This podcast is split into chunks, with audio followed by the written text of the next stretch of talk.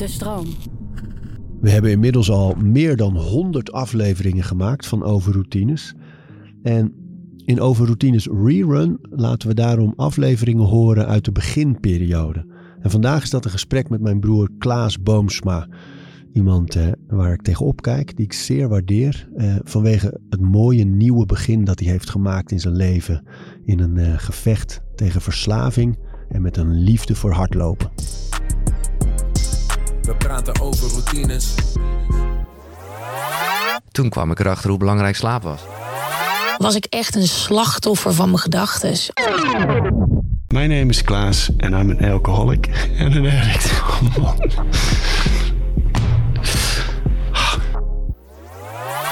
Er zijn natuurlijk wel vaker gasten in de podcast die ik goed ken of waar ik zelfs bevriend mee ben. Maar eh, in dit gesprek wordt het misschien nog best af en toe lastig om dingen te vragen die ik eigenlijk zelf al weet, maar die wel belangrijk zijn om te vertellen. Dat zeg ik ook een beetje tegen jou, en en eh, het is misschien ook goed om te weten vooraf, voordat we echt beginnen, dat onze stemmen nogal op elkaar lijken. Dus je zal het uit de antwoorden moeten halen wie, wie, wie wat zegt. Zelfs onze moeder heeft vaak, eh, als we bellen bijvoorbeeld en je zegt je naam niet. Nou, tegenwoordig staat natuurlijk dat nummer erin. Oh, dat is eigenlijk lang geleden, hè? Ja, Dat dat gebeurde. zit ook te denken. Bel je nog eens op iemand op een vaste lijn ooit? Ik heb niet eens een vaste lijn.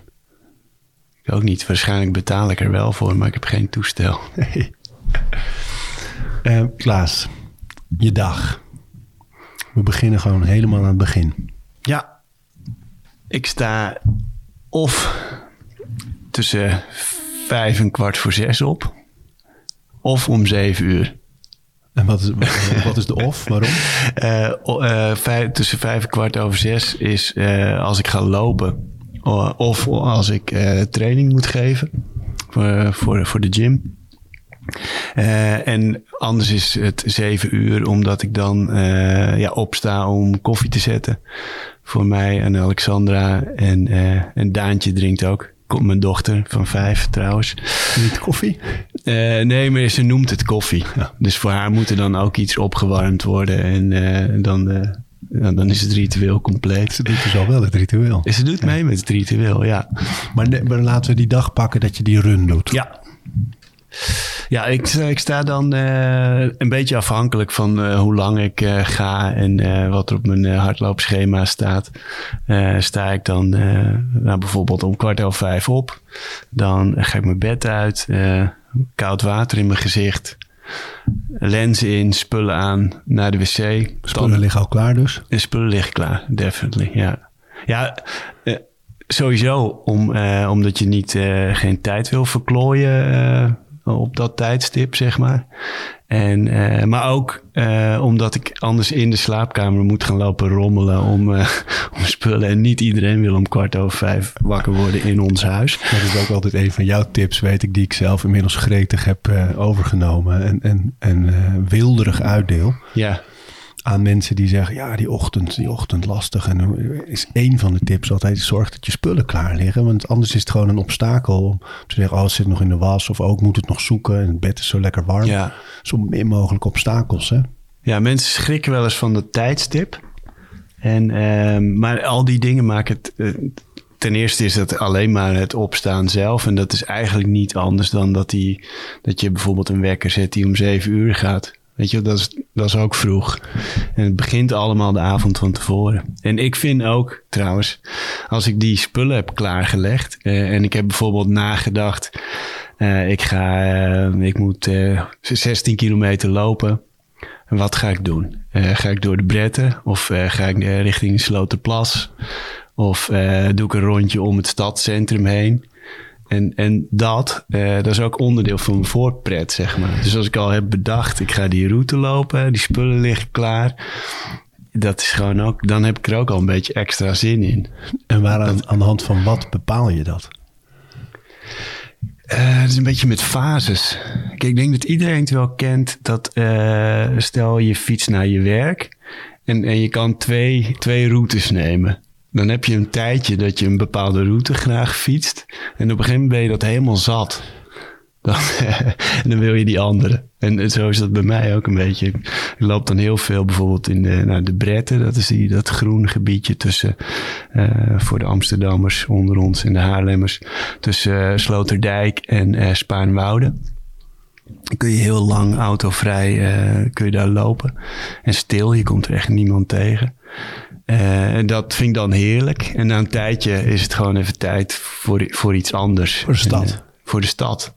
Ja, de stad zocht dus op dat tijdstip is ook geweldig. Omdat ja, stoplichten kun je negeren. Of ze staan nog op knipperen. En uh, het, het, is helemaal stil. Weet je wel, je kan door sommige straten kun je midden op straat lopen. En uh, ja, dat, dat is zo, ja, is heerlijk. Maar die natuur, hè, van, ja. ik heb het dan een stuk later hoor, maar als ik bijvoorbeeld met de kinderen hier, uh, want we zijn in Apkoude, door de weilanden naar schoolfiets om Bobby weg te brengen, dat je soms een buizerd tegenkomt. En dan ja. denk ik altijd aan wat jij ook wel eens ja. vertelt over die runs in die ochtend. Dat neem, neem eens mee naar, naar dat moment. Dus je bent zo vroeg opgestaan, je gaat de deur uit, dus even de stad. Ja. Nee, neem ik de bretten. Dat is leuker. We gaan naar de bretten. Mensen, kom along. Nee, dan, de, wat dat, het leuke daaraan is, is dat je het eerste stukje loop, loop ik nog door mijn wijk, Bos en Lommer, waar, uh, waar dan altijd al wel één klusbus staat te ronken ergens op de hoek, weet je wel. Op, uh, op een paar mannen te wachten. dus er staat er ook al ergens iemand check te roken. En... ehm dus je, je, je gaat even door dat stadsdeeltje heen. En uh, dan loop ik uh, nou ja, richting Westerpark, uh, onder Sloterdijk door. Daar is ook al iets van leven, maar dan, kom, dan kom je op een gegeven moment in een helemaal stil gedeelte. Ook donker. En het enige wat je hoort is gewoon, je, het zijn je eigen voetstappen en ademhaling. En, en je hoofd is nog, nog een beetje in de nacht en zo. Dus je, je, je deint zo rustig uh, de dag ook in. En um, ja, dat is een, heel prettig ritme. En, en afhankelijk, kijk, zoals in deze periode van het jaar, als het op zijn allerdonkerst is, dan uh, is het nog donker als je terugkomt. Maar het is al vrij snel zo. Dat is altijd heel, trouwens, ja, we zitten nu. Kijk even op je horloge, ja, waar alles op staat. Waar alles op staat. Uh, vanaf nu gaan we weer naar de langere dagen. Oh ja, het is de een. We zijn, uh, ja, dus vanaf nu worden de dagen alweer langer. We zitten nog midden in de winter. Vind ik altijd een fijne gedachte.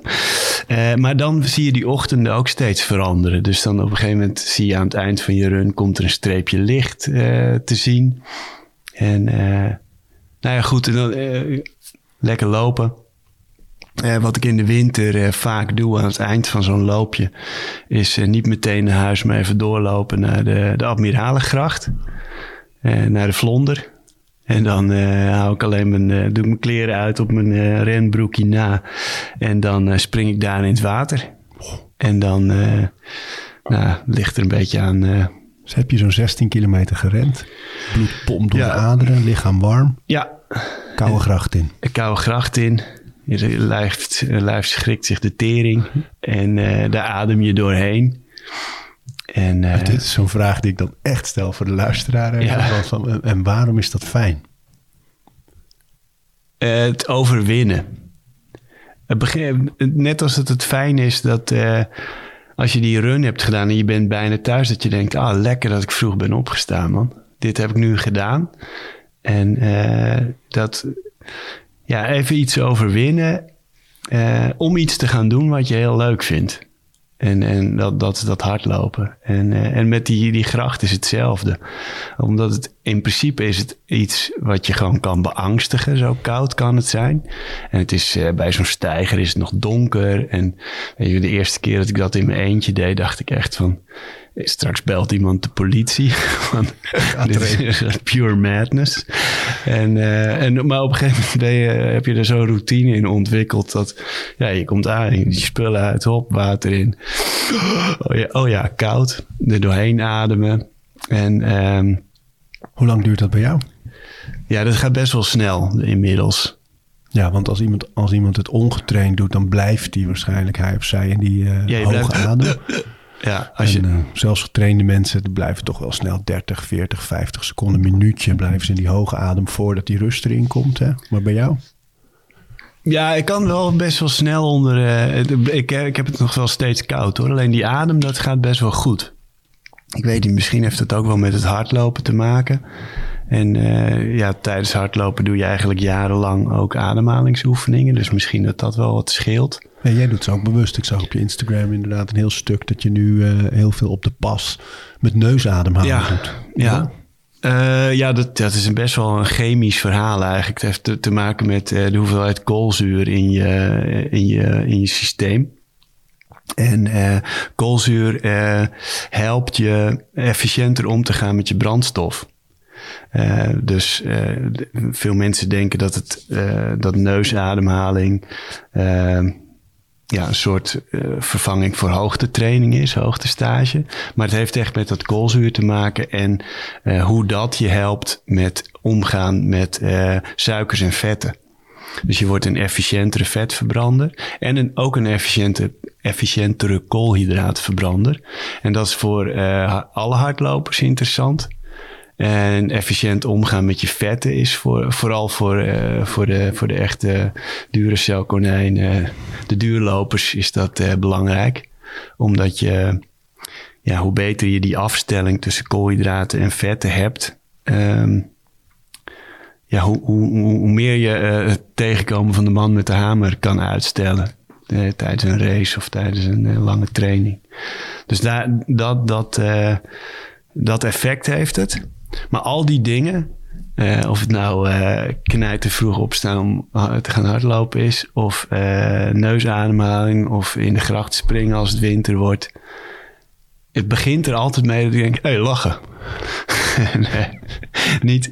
Ik begin er nooit aan. Ik ging ook niet hardlopen. Omdat, Wetenschap zegt. nee, ik ging ook niet hardlopen omdat ik gezond wil, wilde worden Waarom wel? om, eh, om iets eh, te doen te hebben. En eh, om, om iets op te bouwen in plaats van af te breken. En, ehm, en omdat het zo simpel is. Je hebt ni- niks of niemand nodig. Dus ik hoef niet iemand iets te vragen. Ik, hoef niet, ik hoef geen afspraak met iemand te maken. Ik kan het gewoon gaan doen. En dat vond ik eh, op dat moment, ja, daar komen we misschien zo nog wel op waar, waar en waarom ik begon. Maar Nee, laten we daar gewoon eh, naartoe gaan. En ik denk.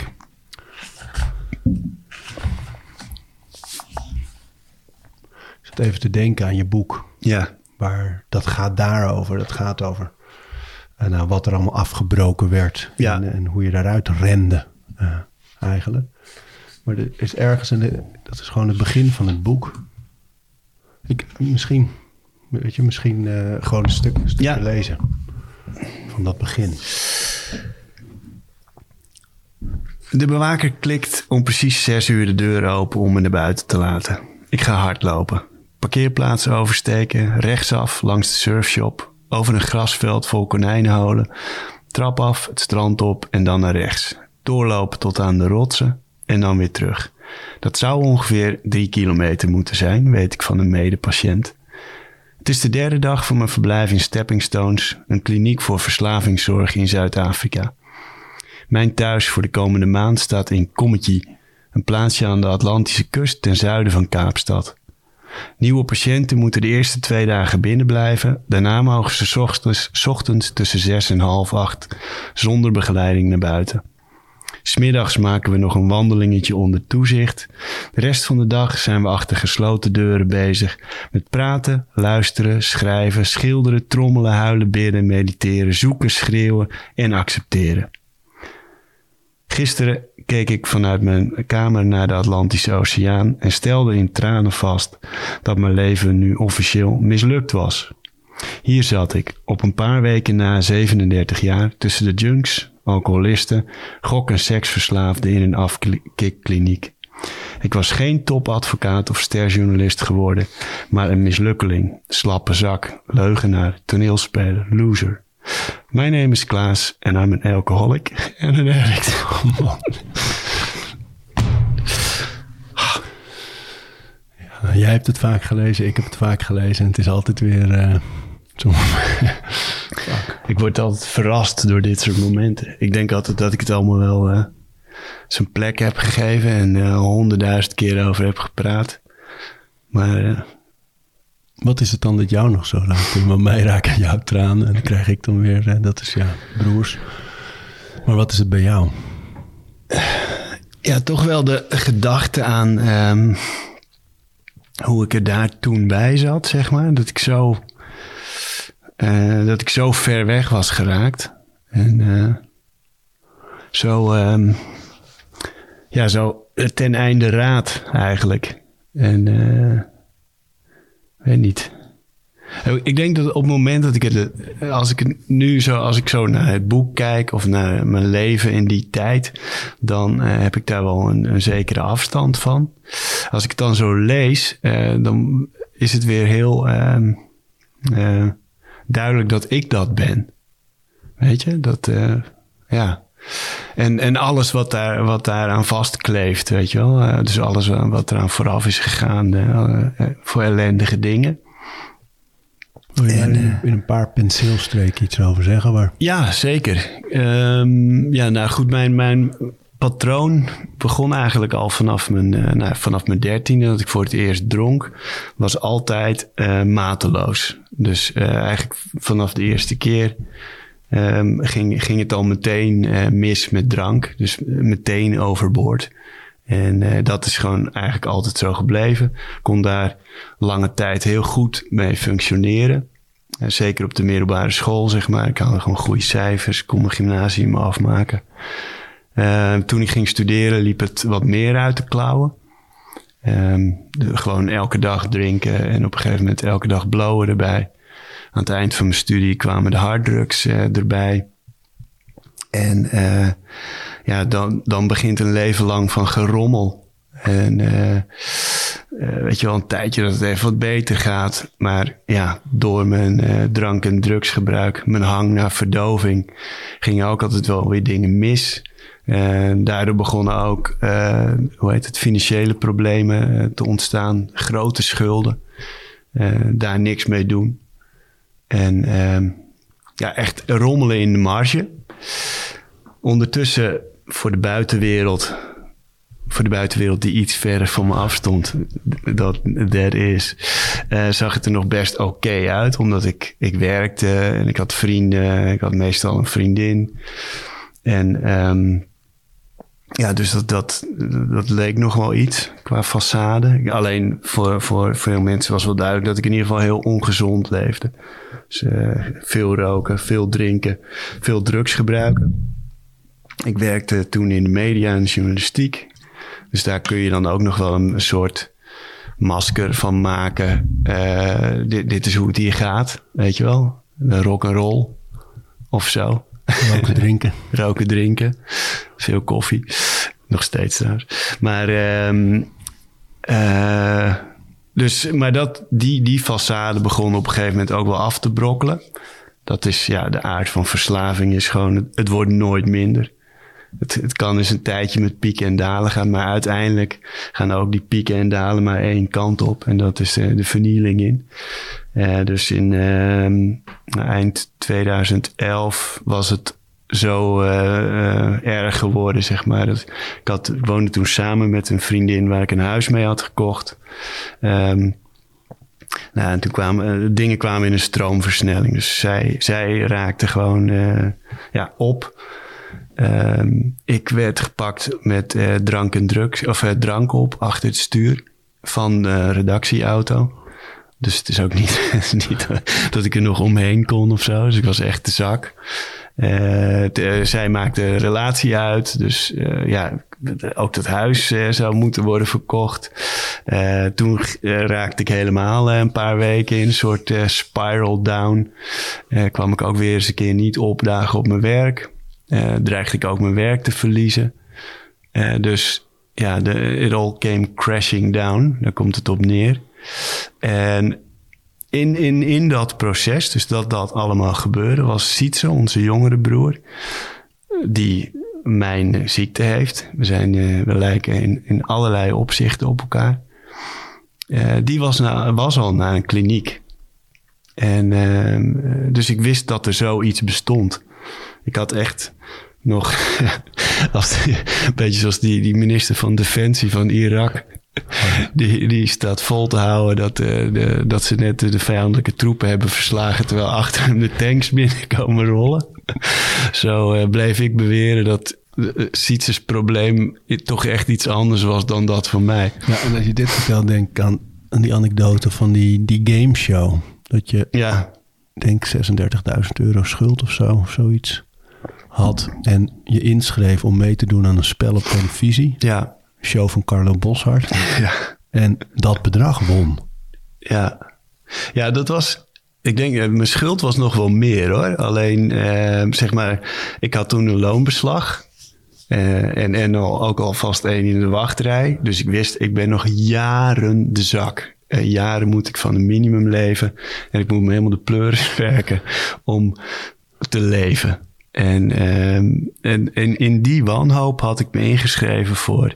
Volgens mij had je toen nog ook nog Weekend Millionaires, dat, dat er nog was. Maar in ieder geval voor een paar van die gameshows waar je geld kon winnen met kennis. Dus eh, quiz. En Carlo Boshart, of tenminste die, dat, eh, dat productiebedrijf, die belde toen of ik interesse had, nog interesse had om mee te doen. En ehm, ja, dat had ik. en, eh, en inderdaad, toen eh, won ik daar eh 33.000 euro. En eh, ja, met aftrek van, van de kansspelbelasting bleef echt bleef er zoveel over dat ik die directe schulden kon aflossen. Eh, en echt, en dan hebben we het over de zorgverzekering, de duo, vooral de eh, studiefinanciering, dat was de biggie. Eh, nou ja, al, al die dingen. En ik hield nog wat geld over ook, waar ik een PlayStation voor kon, kon kopen. Maar door dat soort First dingen, things first, dus dan, dan snap ik ook dat je zo lang in die ontkenning blijft. Omdat je denkt, ja, ik red me altijd wel weer. Ik, haal ja. mezelf er altijd wel weer uit.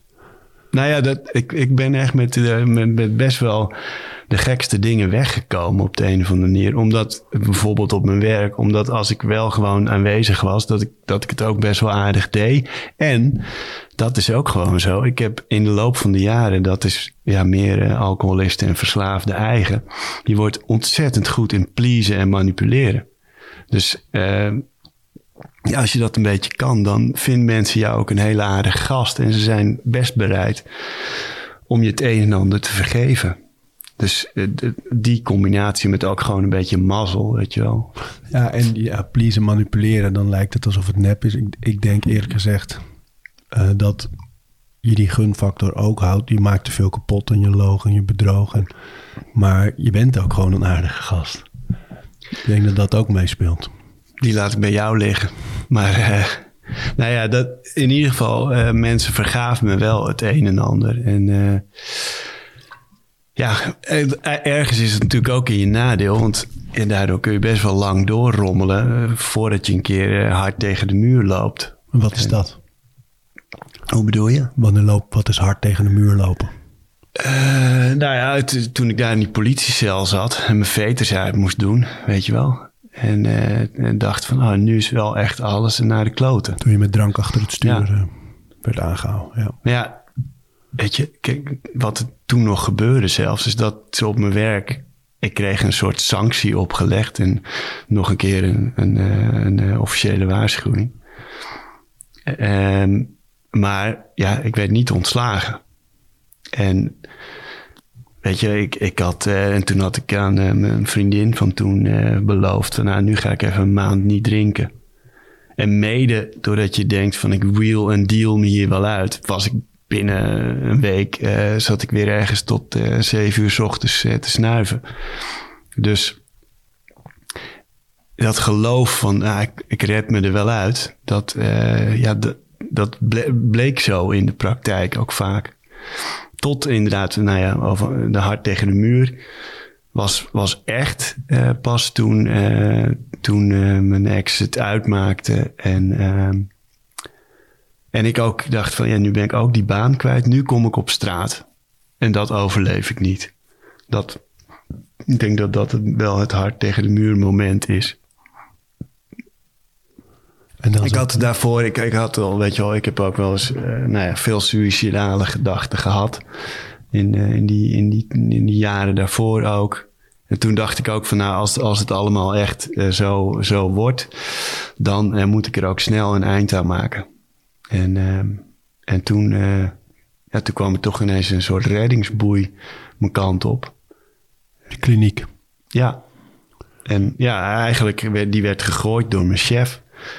Die zei van, eh, weet je, we, eh, stel, nou dat, stel nou dat we wel door zouden gaan met jou. En ehm, wat, wat denk je dat je, er moet dan wel iets veranderen. Wat denk je dat je probleem is? En toen, Goed hè?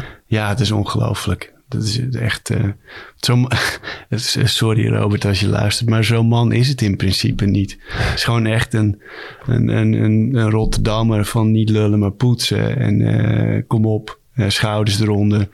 Dus ja, eindeloos geduld had hij heus niet. Alleen toch zag hij ergens. Het is nog niet, niet verloren, maar het is misschien wel verloren als ik hem eh, nu op straat zet. Zo joh. Ja, dat is echt wel bijzonder. Maar eh, En dan die kliniek en dan Ja. die eerste keer hardlopen.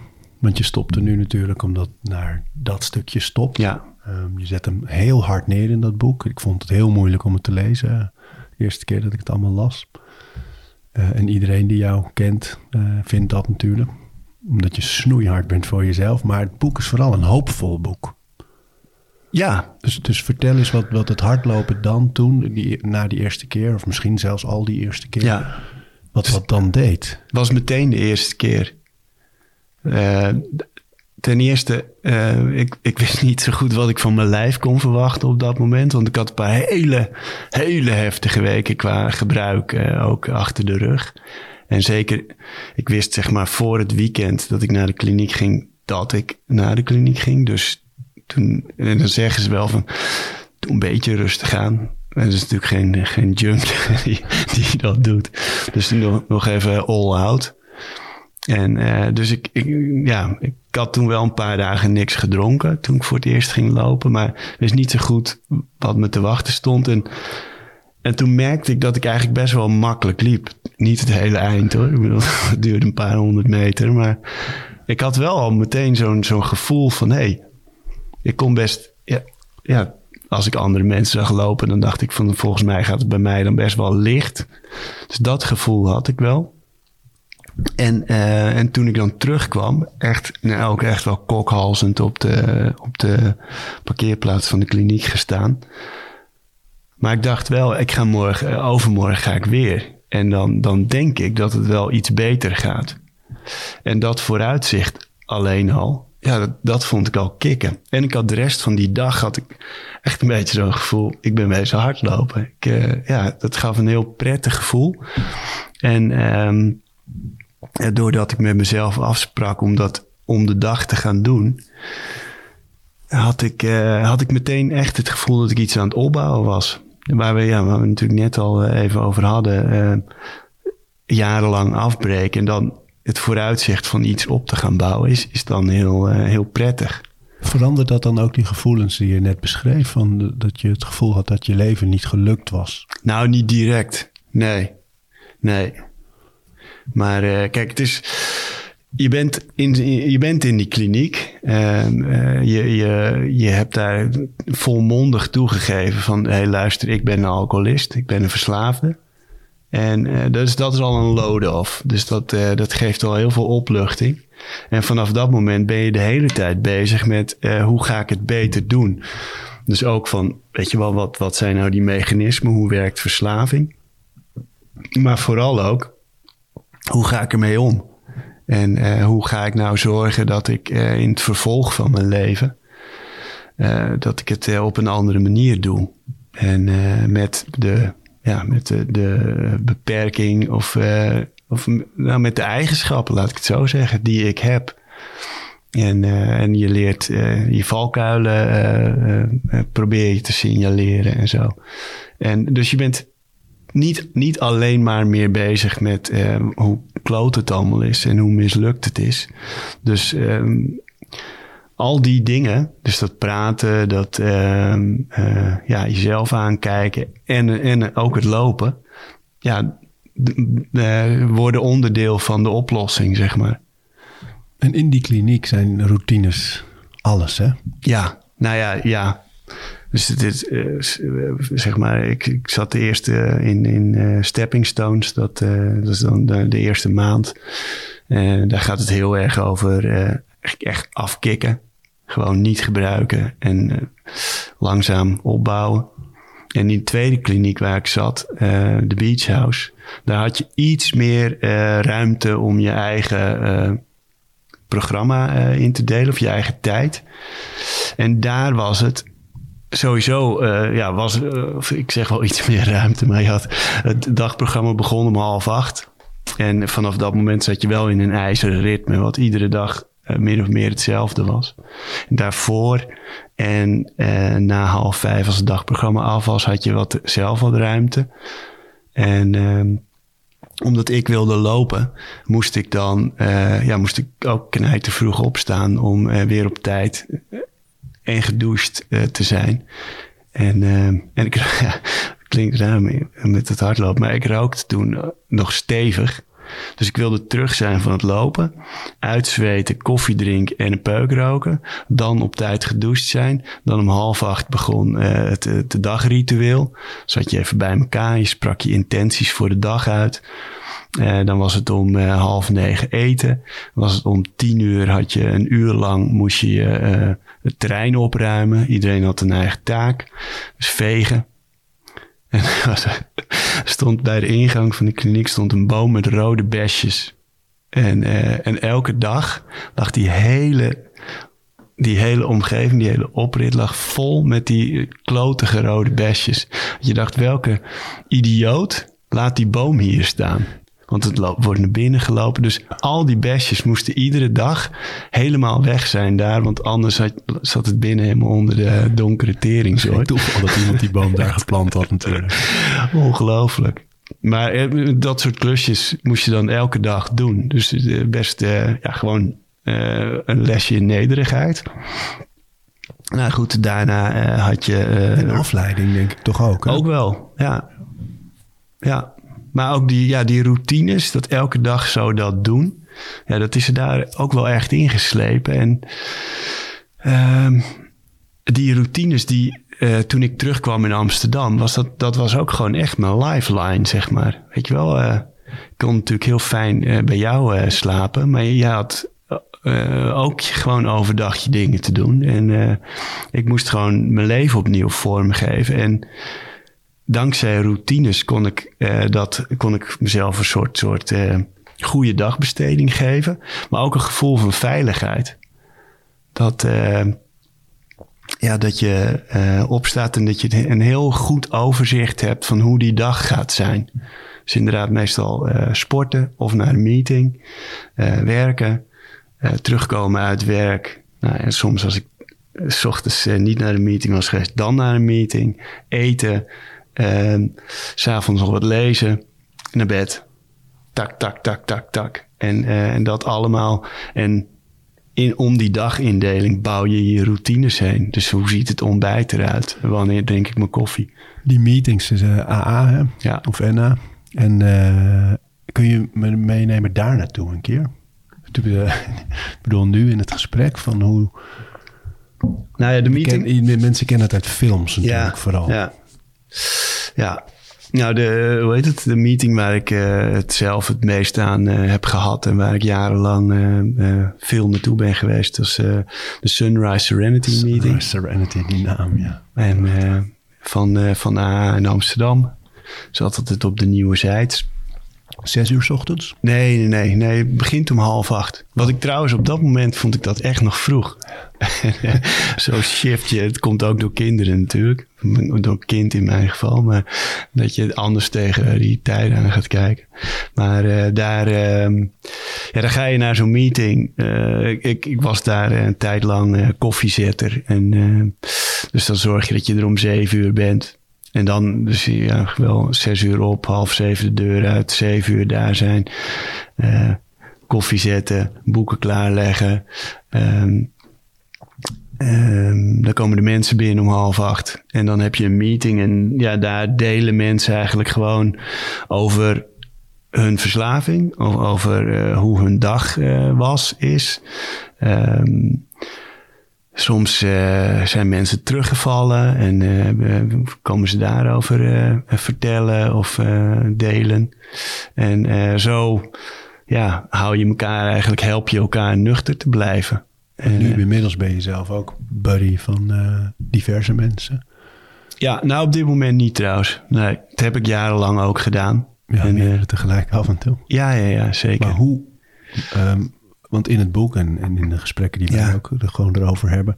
benadruk je zo vaak dat het hardlopen is zeker een middel om je, Ja, om je lekker gaande te houden en eruit te halen. Maar die, maar die meetings, die AA, ja. de program noem je het. ja, dat is het belangrijkste. De meetings en de twaalf stappen. Maar waarom werkt dat zo goed? Ehm, nou ja, eh, ik geloof dat eh, verslaving een eh, spirituele ziekte is.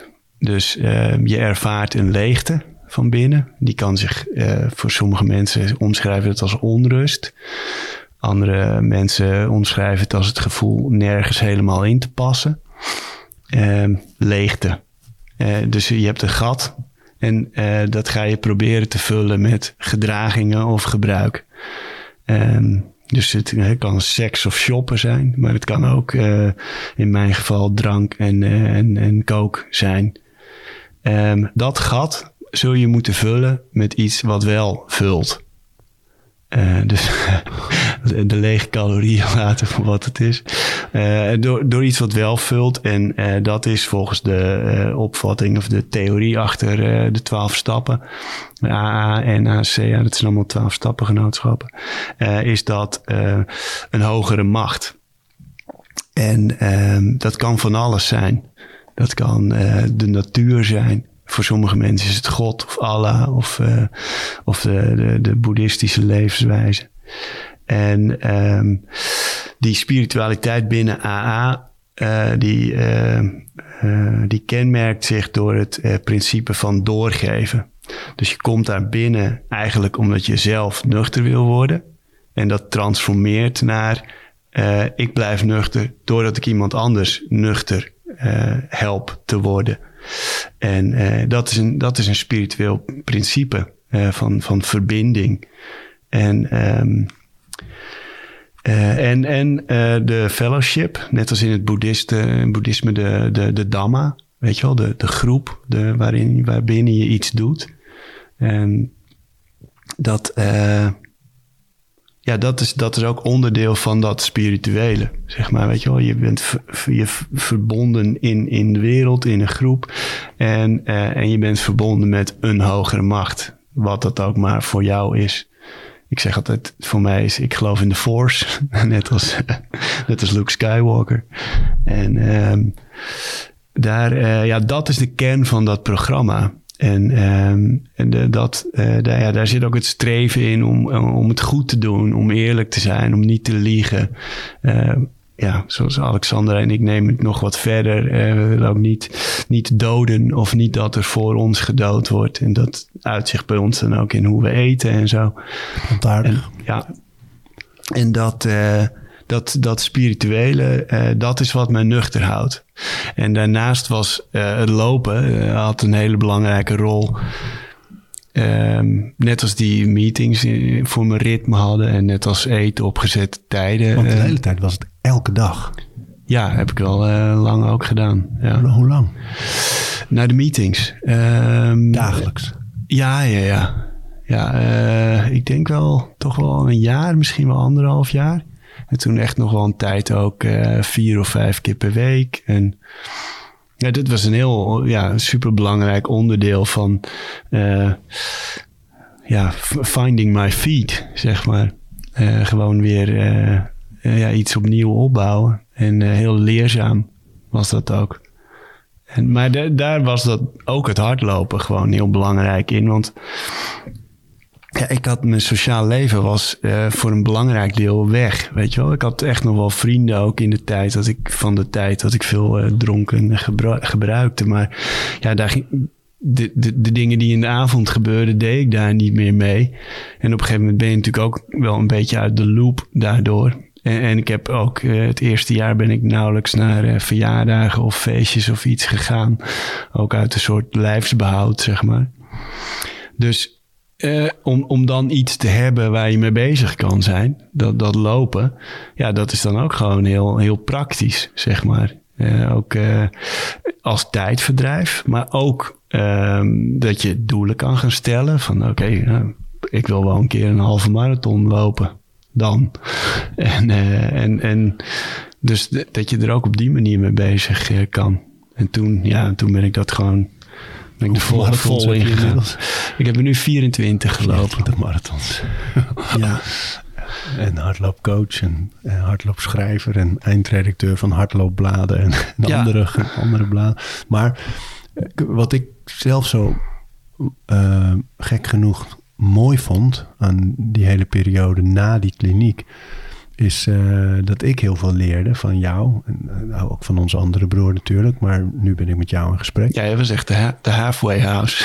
Nou ja, maar, maar, maar over de dingen, hoe relevant die, eh, die, die twaalf stappen van die eh, program Ja, in, in alle levens zijn. Ook als je niet verslaafd bent. Dat je, je, dat je het uitspreekt tegen mensen als je ze gekwetst hebt. Eh, Ja. En dat je bij de dag leeft. Dus dat je je niet te veel zorgen maakt om wat misschien wel gaat gebeuren morgen. Of waar je van baalt in dat achter je ligt. En, maar dat je nu. En, en, en dat het een hele. Ik denk ook echt dat jouw verslaving en eh, die van Sietse eh, ervoor gezorgd heeft dat bijvoorbeeld in ons gezin en in onze relaties een veel betere vorm van praten is gekomen. eh, Waar we eerder, jij en ik bijvoorbeeld, denk ik veel meer als, zoals mannen dat graag doen. Gewoon bij elkaar zijn vonden we fijn. ja, Dan gingen we iets doen. ja, ja, ja. En natuurlijk hadden we wel gesprekken over van alles. Maar Ja. en ook echt wel inhoudelijk. En, maar niet zo vanzelfsprekend en veel en, en belangrijk als daarna. Dat je gewoon, jij gooit je hart op tafel en geeft het meteen aan als, als je ergens mee zit. Of als je, en dat is als broer heel fijn om... eh, omdat een relatie hechter wordt. Ik, heb, ik zeg het ook vaak als mensen mij ernaar vragen van, eh, dat ik zeg, ik heb echt het gevoel dat ik mijn broer heb teruggekregen. ja. Dus de broer uit mijn jeugd, waar, wij komen uit hetzelfde geboortejaar, 1974, Irish Twins. Ik in januari, jij in december. Ehm, waar ik dus eigenlijk bij- bijna als een tweeling mee opgegroeid ben. eh, die dan een, een tijd wel in mijn leven is.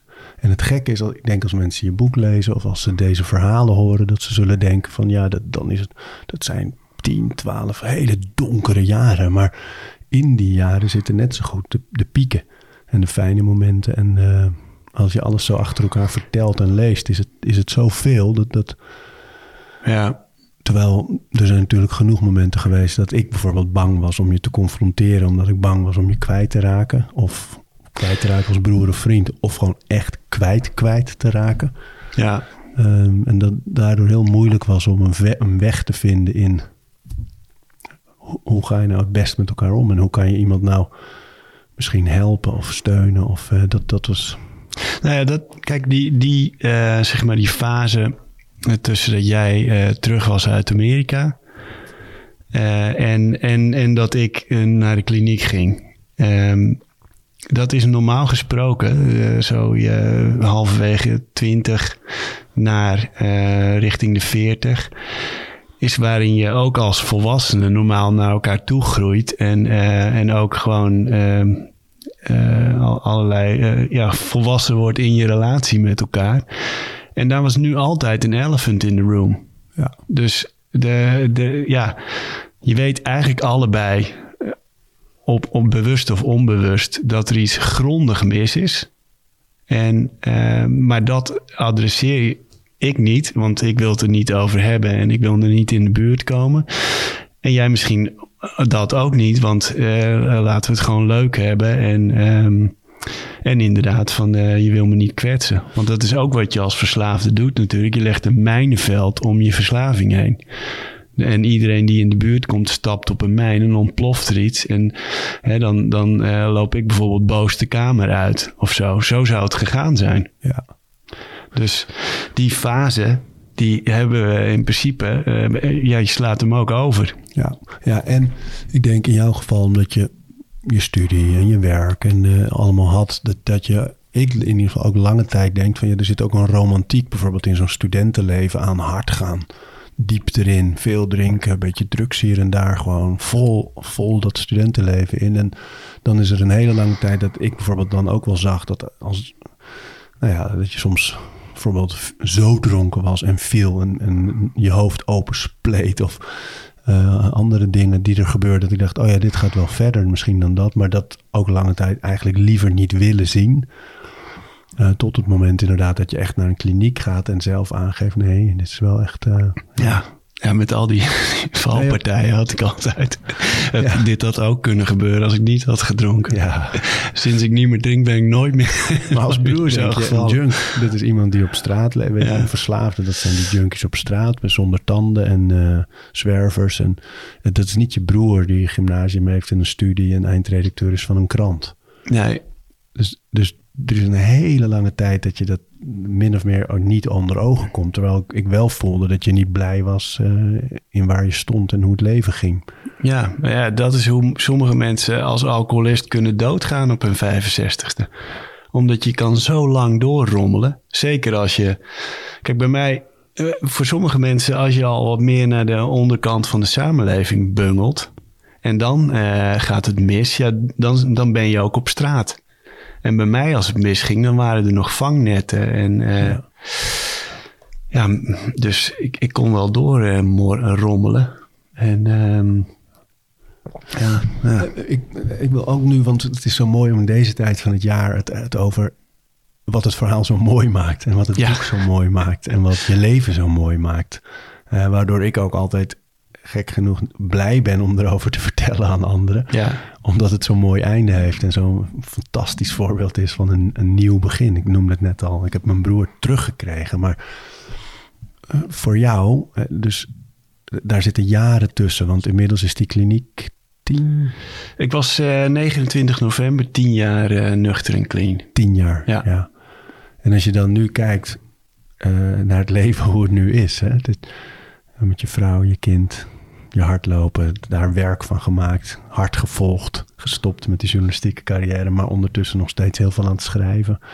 Van, op welk moment dacht jij zelf van, hé, hey, dat, ik voel dat niet meer, die mislukking? Uh, uh, ja, dat kan, dat kan nog steeds de kop opsteken. Dat ja. is het. Dat is mijn ziekte. Alleen uh, waar ik daar vroeger uh, op ging drinken of vluchten, uh, kan ik er nu naar kijken. En denk ik, oh ja, dit soort gedachten heb ik. Maar het slaat nergens op. Ik ben die gedachte niet. En ehm, kijk nou wat er allemaal is. Dus ik, ik, ik heb nooit echt zo'n moment gehad van nu heb ik het achter me gelaten. Het, weet je wel, het, het hoort gewoon bij me. En, maar is er dan ook nog wel eens de angst van een terugval? niet zozeer van een terugval. Wel uh, dat ik soms, uh, als ik heel gestrest ben en uh, denk van straks houdt alles op. Weet je wel, straks ben ik allemaal klussen kwijt en weet ik veel, kan ik niet bijdragen aan mijn gezin. Die, ja, dat, dat bestaat nog steeds. En alleen, dat is niet iets waar ik continu mee rondloop. Dat zijn gewoon, weet je, ik denk dat, ja, misschien mensen herkennen dat wel, dat er af en toe zo'n duistere gedachte is. Maar eh, dat is het grote verschil. Dat ik heb inmiddels een, een toolbox om daarmee om te gaan. En eh, eh, ik hoef niet dat duister in te schieten. En ik kan zien van, hé, hey, dit, is, dit is waar die gedachten heen gaan. En even pauzeren hier. Observeer de gedachten en ga er niet in mee. Dat is waar, waar mediteren trouwens. Ik net zeggen, dat, ja. is de kern van mediteren. Ja, dat is het. Dat is, uh, en de, weet je wel, dat, ik, ik ben nu eigenlijk pas de laatste tijd uh, wat serieuzer met het mediteren aan de gang gegaan. Echt gewoon een uur zitten. En, um, Neem eens mee naar zo, naar die meditatie. Ja, dat is leuk uur. trouwens. Want we, we doen dat met een, uh, met een groepje. Uh, nu dus iets beperkter. Uh, maar we, we, hebben nu een plek in Amsterdam van Koen de Jong. Ja. Die daar met Sportrust, uh, Mystical Miles en ProRun een locatie heeft. Waar ook een ijsbad... Mystical Miles, prachtig hardloopblad. Ja, ja. Mooie verhalen, mooie fotografie en illustraties. Ja. ProRun is bekend natuurlijk, hardloopblad. Eh, maar goed, die, eh, die heeft een ijsbad staan ook en een ruimte waar je kan mediteren. Dus eh, we Paradijsje. doen door, ja, echt. Door de, door de week van half zeven tot half acht. Drie keer per week. En in het weekend nog een keer van zeven tot acht zijn de meditatiesessies. En dan zitten we met een paar mensen. Dus s ochtends vroeg op de fiets naar Amsterdam. Het is nog op het randje van Nieuw-West is het.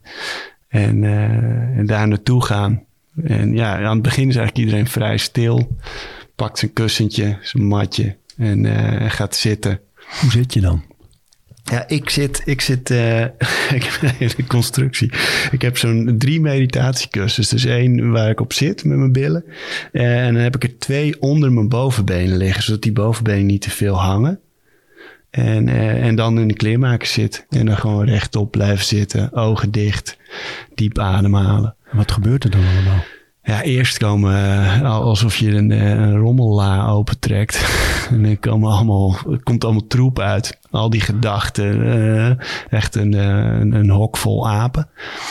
En, ehm, en dan ga je, om dat te bezweren, zeg maar, ga, ga, ga ik dan een eh, ademhalingsoefening doen. Dus bijvoorbeeld eh, zeven tellen inademen, acht tellen uitademen, vijf tellen vasthouden, zeven in, acht uit, vijf. Nou, dat, Waarom is dat uitademen langer?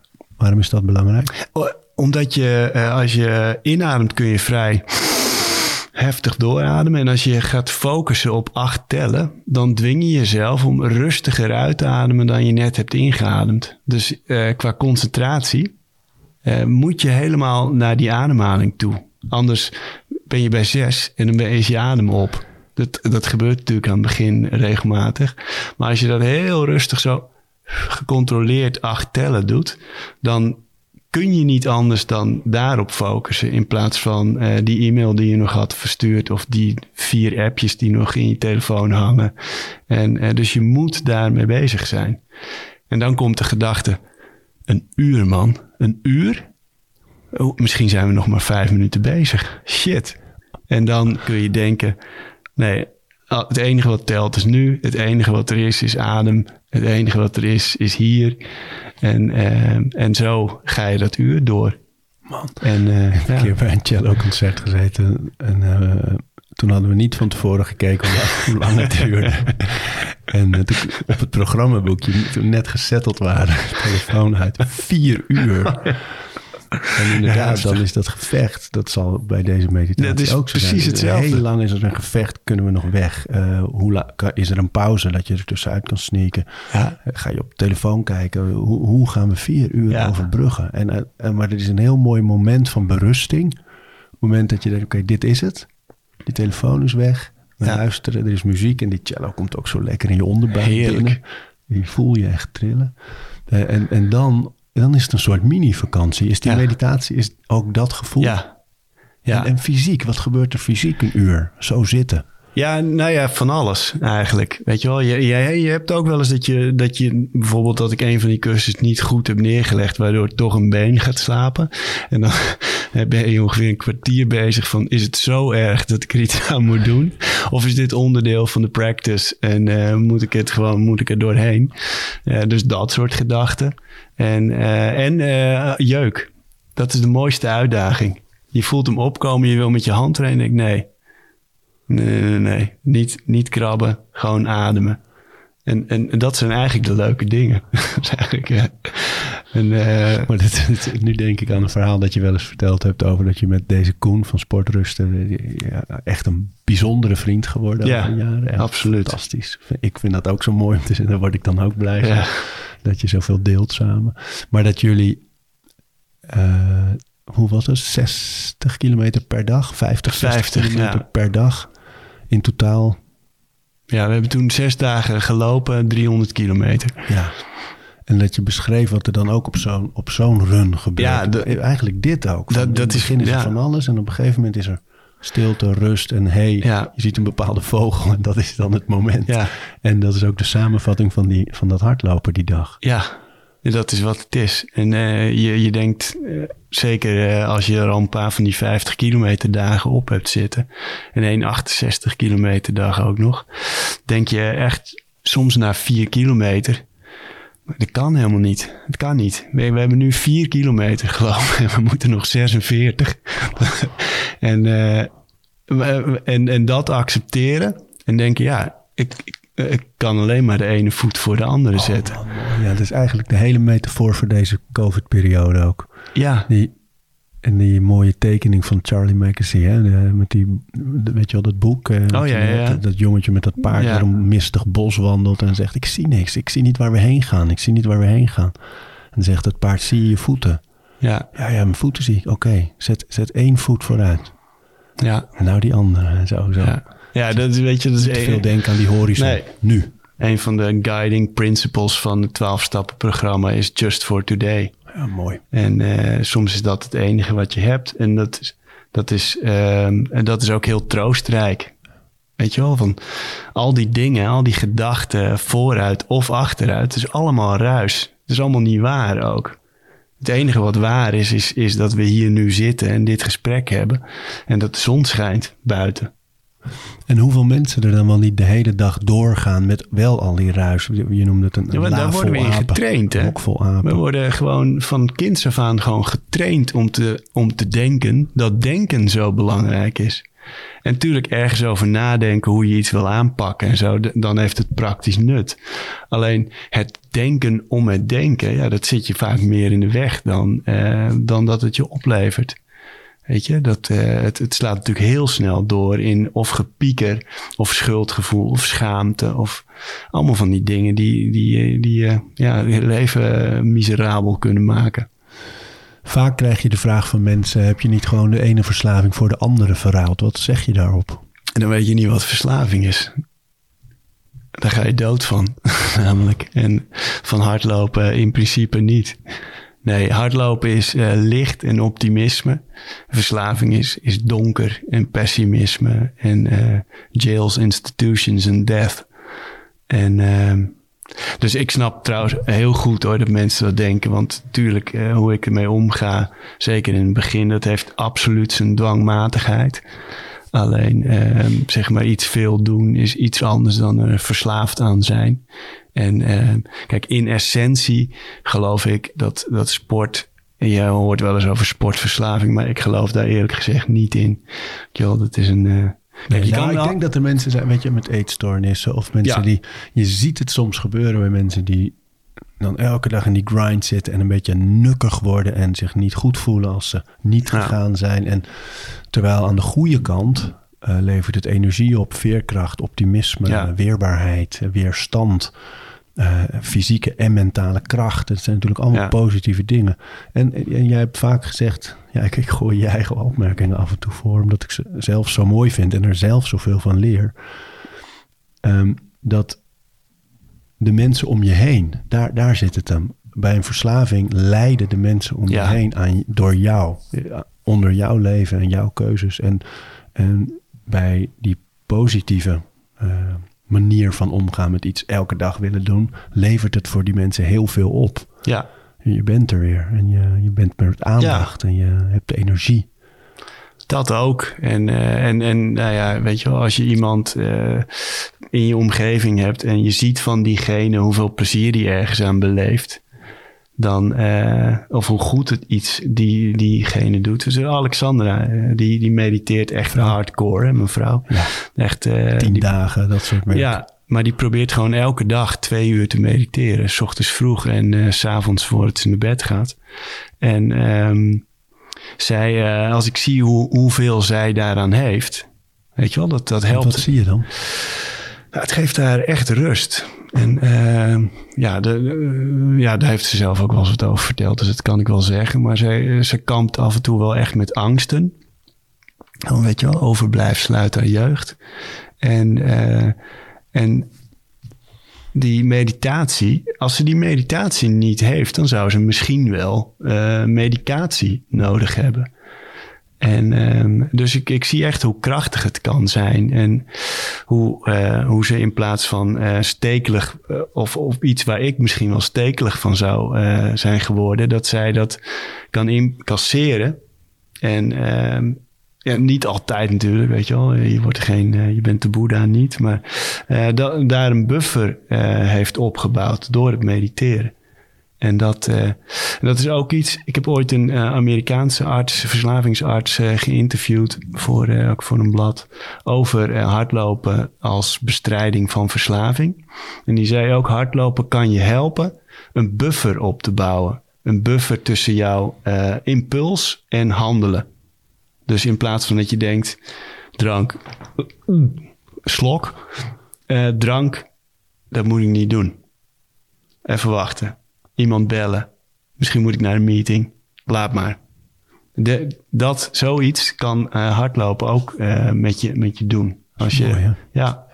Dus het is. eh, ja, ik ben, je kwam via de meditatie. Maar dus dat, dat, dat, dat zie ik ook, ook bij Alexandra gebeuren. En Mooi om te delen ook samen. ja, dat is leuk. Ja, we, we mediteren niet eens zo heel veel samen, maar eh, ja, doordat zij daar zoveel aan heeft en eh, doordat ik eh, via Koen dan nu die, die mogelijkheid heb om die, die, lange die lange sessies mee te doen. Nou, en puur praktisch dat je in een relatie, als de een twee uur per dag wil mediteren en de ander begrijpt het niet of voelt het niet. Ja, hetzelfde met lopen natuurlijk. Ja. Weet je wel, Ja. waarom moet jij nou weer op eh, zondag, dan op je zondag? Ja, waarom ben je niet gewoon hier?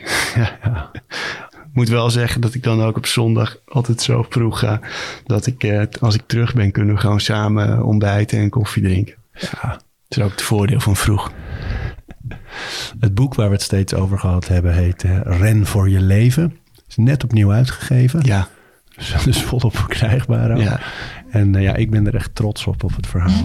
eh, wat jij vertelt en op jou. En eh, Ja. we hebben maar één keer gehuild, man. ja goed hè? Had ik niet gedacht. Ja, helemaal aan het begin. Ja, nou ik heb, Steven kwam binnen en had alles al klaarstaan. Ik denk dat we drie keer hebben uitgesteld om te beginnen. Omdat ik dacht, ja, ja hij gaat komen natuurlijk. Ja, Hoe zou het nou toch komen dat we altijd als, als jij haalt of ik... als het op dit onderwerp dan, hè, ja. altijd weer raak is. Na al die jaren. Ja, dat is toch... We, zijn eh, dicht aan het water gebouwd. Dat sowieso.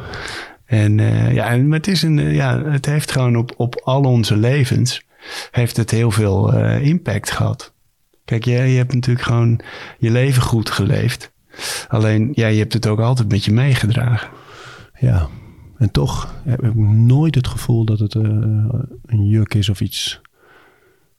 Dat is denk ik het mooie van hoe fijn de situatie nu is. En als je het dan over een nieuw begin hebt, dat je het, eh, hoe wij nu bijvoorbeeld weer sport delen. Ja, Hoe ik zie dat jij met je gezin en je dochter en je hardlopen gewoon gelukkig bent. Dat is voor mij, voor als broer, gewoon het allermooiste om te zien. ja, Eh, dat, je, dat je broer gelukkig is.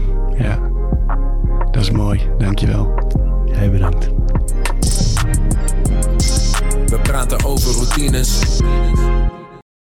Dankjewel voor het luisteren. En voordat je weer doorgaat naar andere dingen, wil ik je nog even wijzen op Over Inspiratie. Dat is het mailtje dat ik elke donderdag rondstuur met drie tips. Dingen waar ik zelf veel aan gehad heb. Kunnen producten zijn, artikelen die ik gevonden heb online, onderzoeken, eh, Instagram-accounts, podcasts, boeken, van alles eigenlijk. En ik denk dat je daar zelf ook veel aan kunt hebben. Dus vind je het leuk om dat mailtje elke week te ontvangen? Dan kun je je opgeven op ariboomsma.nl onderaan de pagina. Dan krijg je voortaan elke donderdag in je mailbox over inspiratie.